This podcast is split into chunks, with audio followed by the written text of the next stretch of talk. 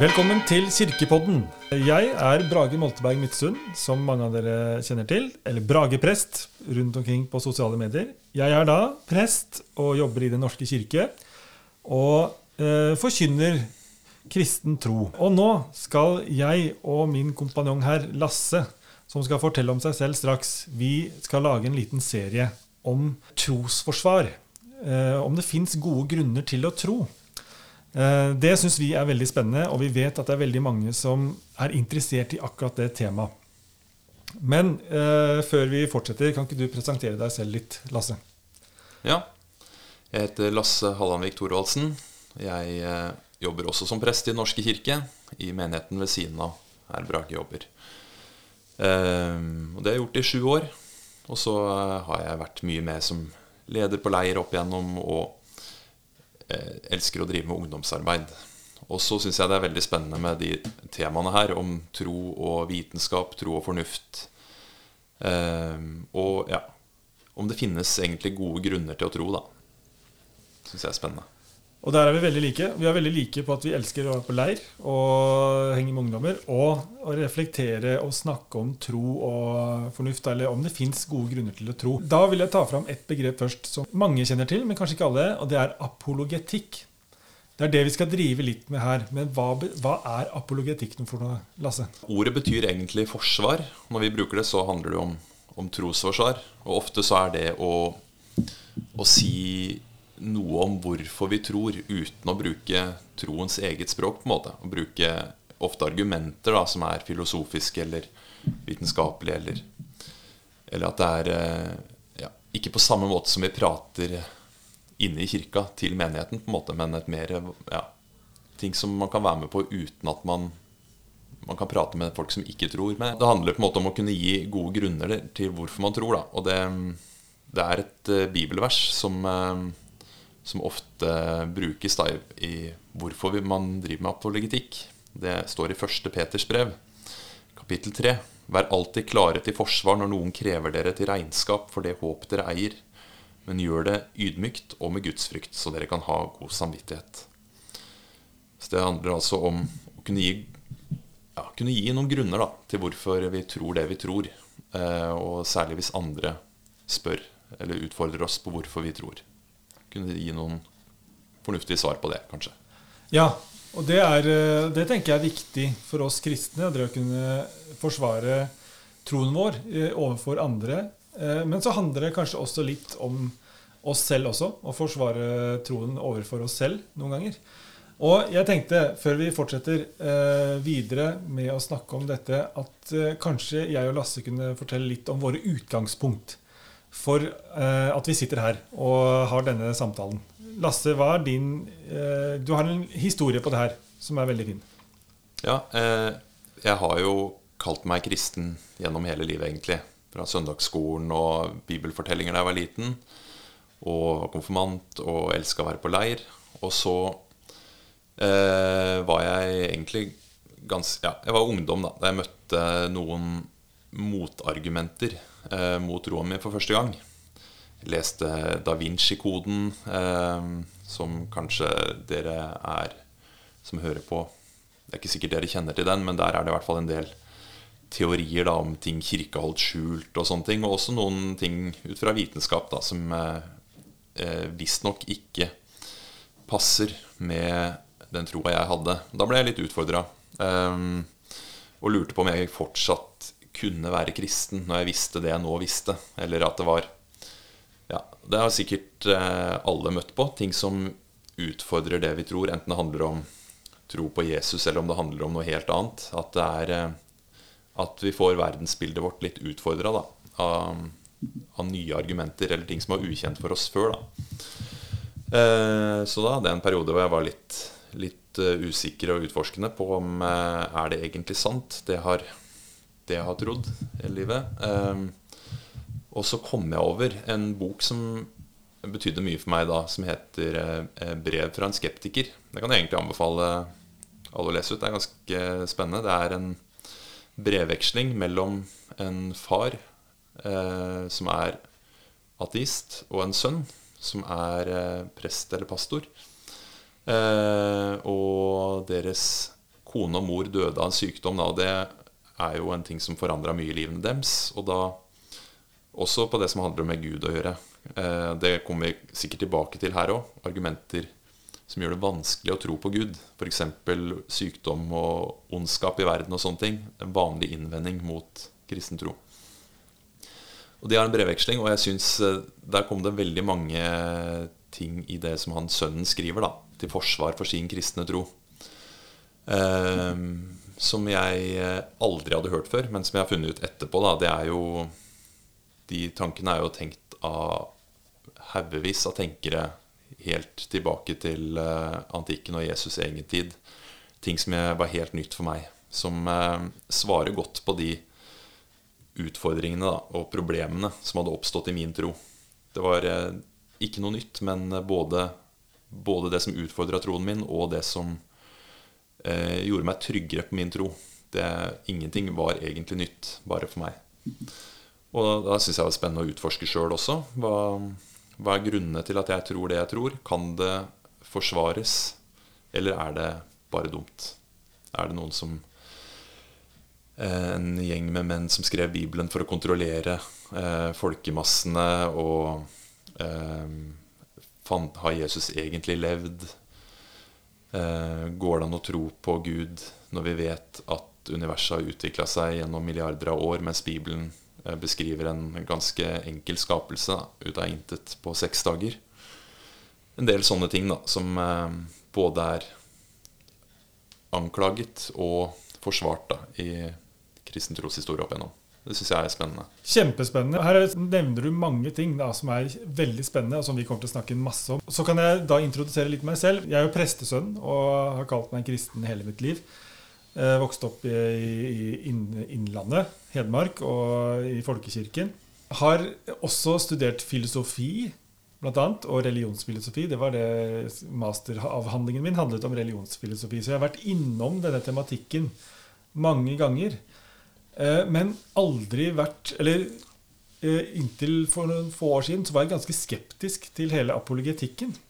Og det handla litt om at for meg så, så, kunne vi ikke bli for fornuftige. Fordi jeg tenkte at nei, men Gud er jo større enn alt. Og mye ved Gud er mystisk og uforståelig.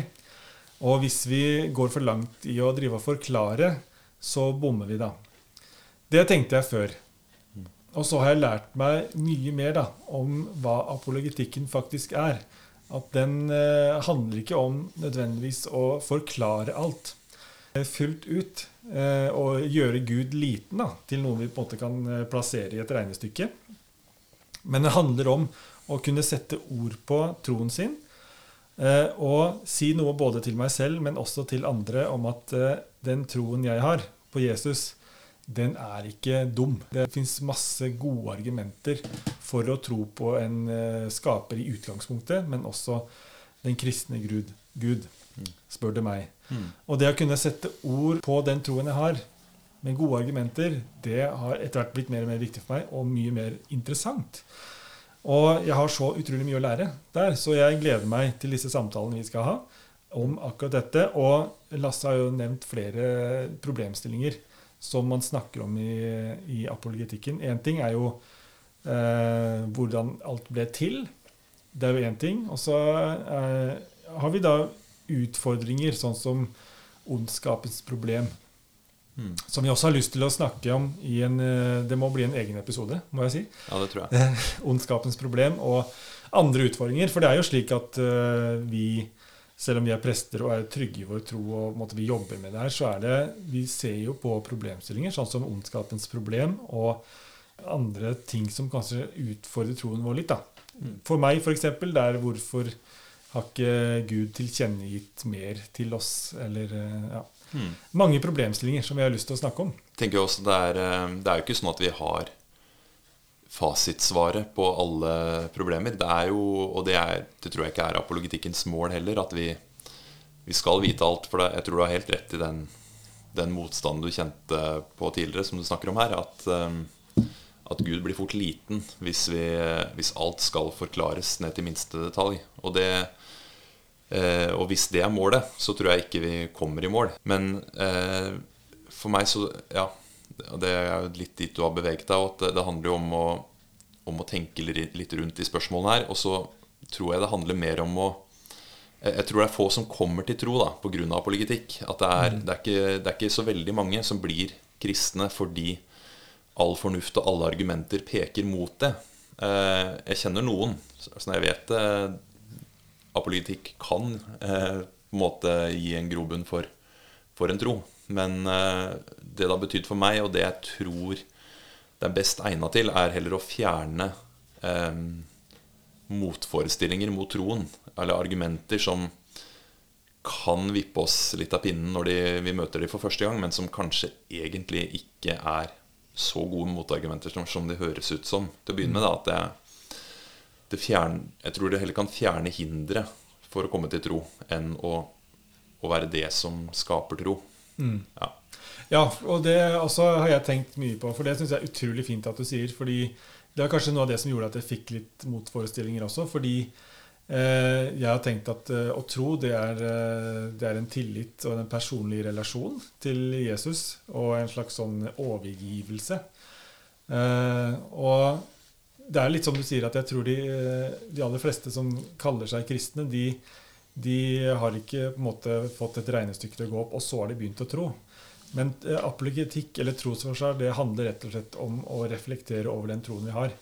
Og, og, og kunne svare mot de hindringene mm. som uh, kommer. For det fins jo en del uh, argumenter uh, der ute som i første øyekast kan se ut som de er ganske gode likevel. De har vært gjennom noen år med det som kalles nyateismen. da det er noen år siden nå, kanskje. Men uh, tidlig 2000-tall og med kjente figurer som Dawkins og Hitchens og Sam Harris, som kanskje noen uh, kjenner til. De drev jo veldig hardt, og det var nok ganske mange som opplevde at de argumentene de kom med, mm. var uh, nærmest dødbringende overfor det å kunne tro. Mm. Og så viser det seg at når man går litt nøyere etter, så er det jo ikke det. Og med det, med det sagt så er, det finnes jo gode motargumenter og Det finnes jo ting alle kristne som reflekterer over disse spørsmålene, eh, ikke får noe fasitsvar på, på denne siden eh, i hvert fall. Vi skal passe på at ikke denne episoden her skal bli altfor lang, men vi har lyst til å ta opp ett argument bare for å løfte fram eh, det vi snakker om i denne serien. Eh, og det er det som kalles Kalams argument. Lasse, kan ikke du forklare hva det innebærer?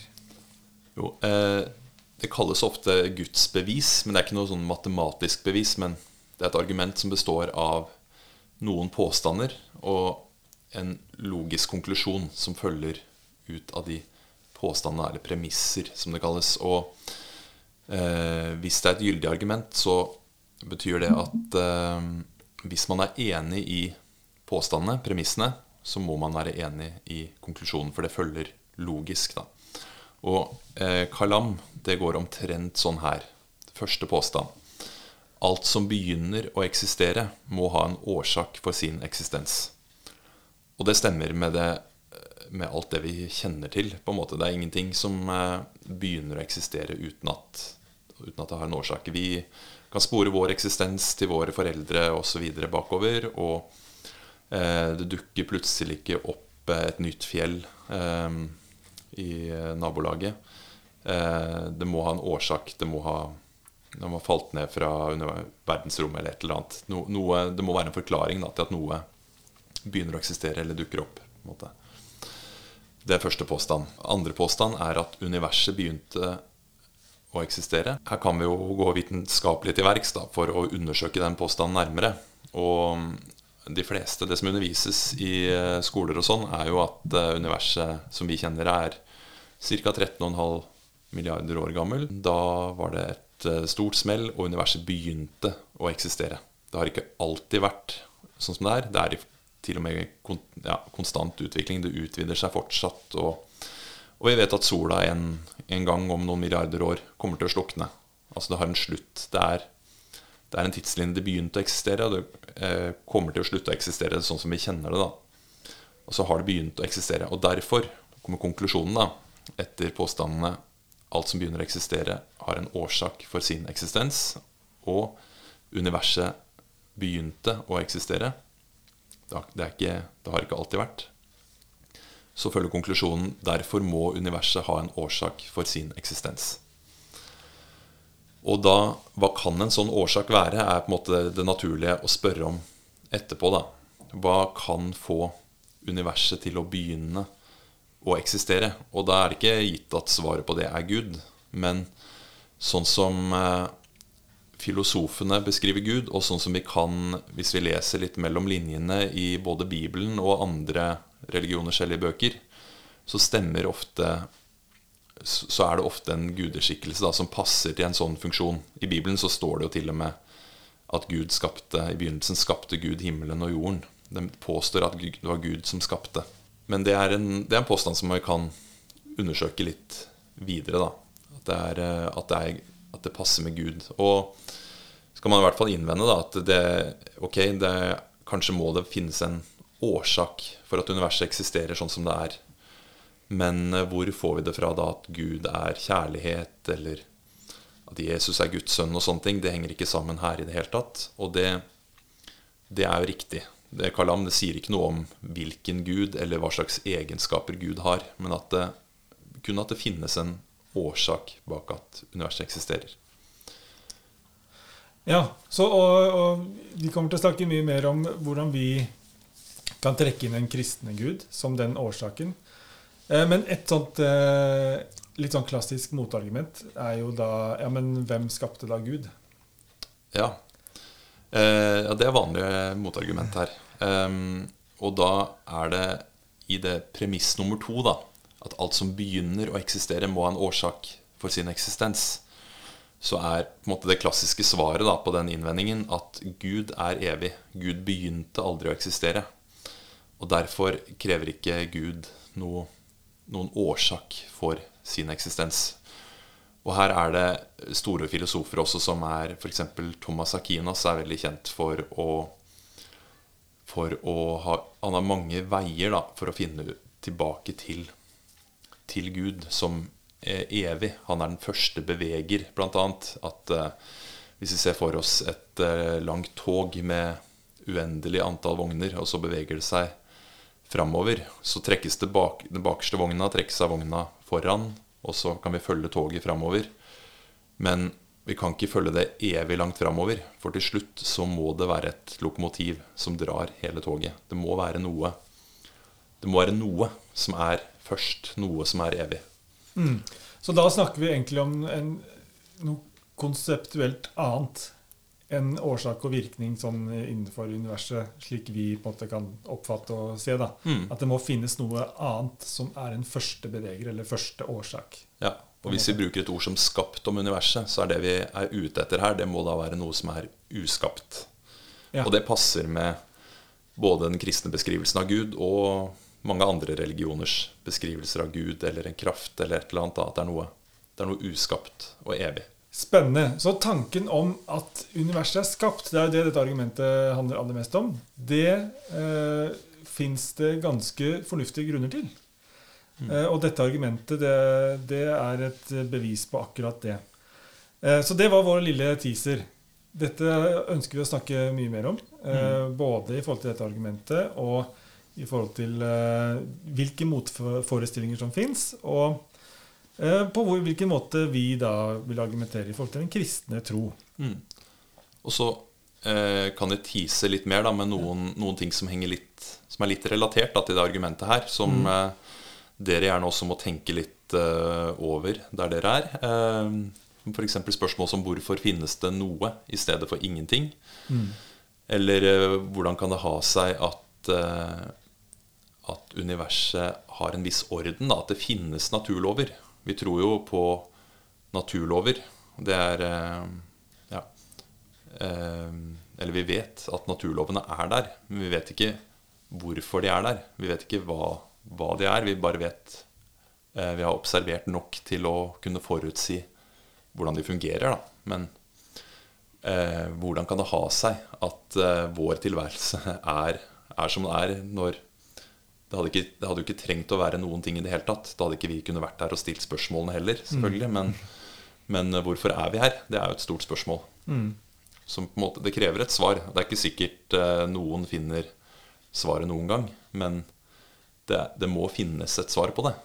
Og så kan vi prøve å bevege oss nærmere et slags svar, eller en mulig løsning, i hvert fall. Det er det vi skal prøve oss på. Uten Ja, at vi blant skal annet. Eh, Blant annet. Og også til de som nå tenker ja, men hvordan går det her opp med skapelsesberetningen i, i Det gamle testamentet og sånn. Det skal vi også snakke mye mer om. Men eh, vi det Vi stopper der. Og mm. håper vi har pirra nysgjerrigheten til dere som lytter. Har dere spørsmål, eh, utfordringer til oss som vi kan jobbe med å svare på, så ta gjerne kontakt. Og den enkleste måten er å gjøre det via meg. Fordi jeg er den av oss som er mest aktiv på sosiale medier. Hvis du søker opp Brageprest på eh, TikTok, Snapchat eller Instagram, så kan du gjerne sende en direktemelding til meg eh, med de spørsmål du skulle ha, som du har lyst til at vi skal snakke om. Så håper vi at dette her er interessant, like interessant som vi syns. For dere der ute. Jeg vet det er mange som har etterlyst akkurat en sånn podkast. Så Lasse og jeg vi takker for oss, og så gleder vi oss til fortsettelsen. Ja. Ha det bra.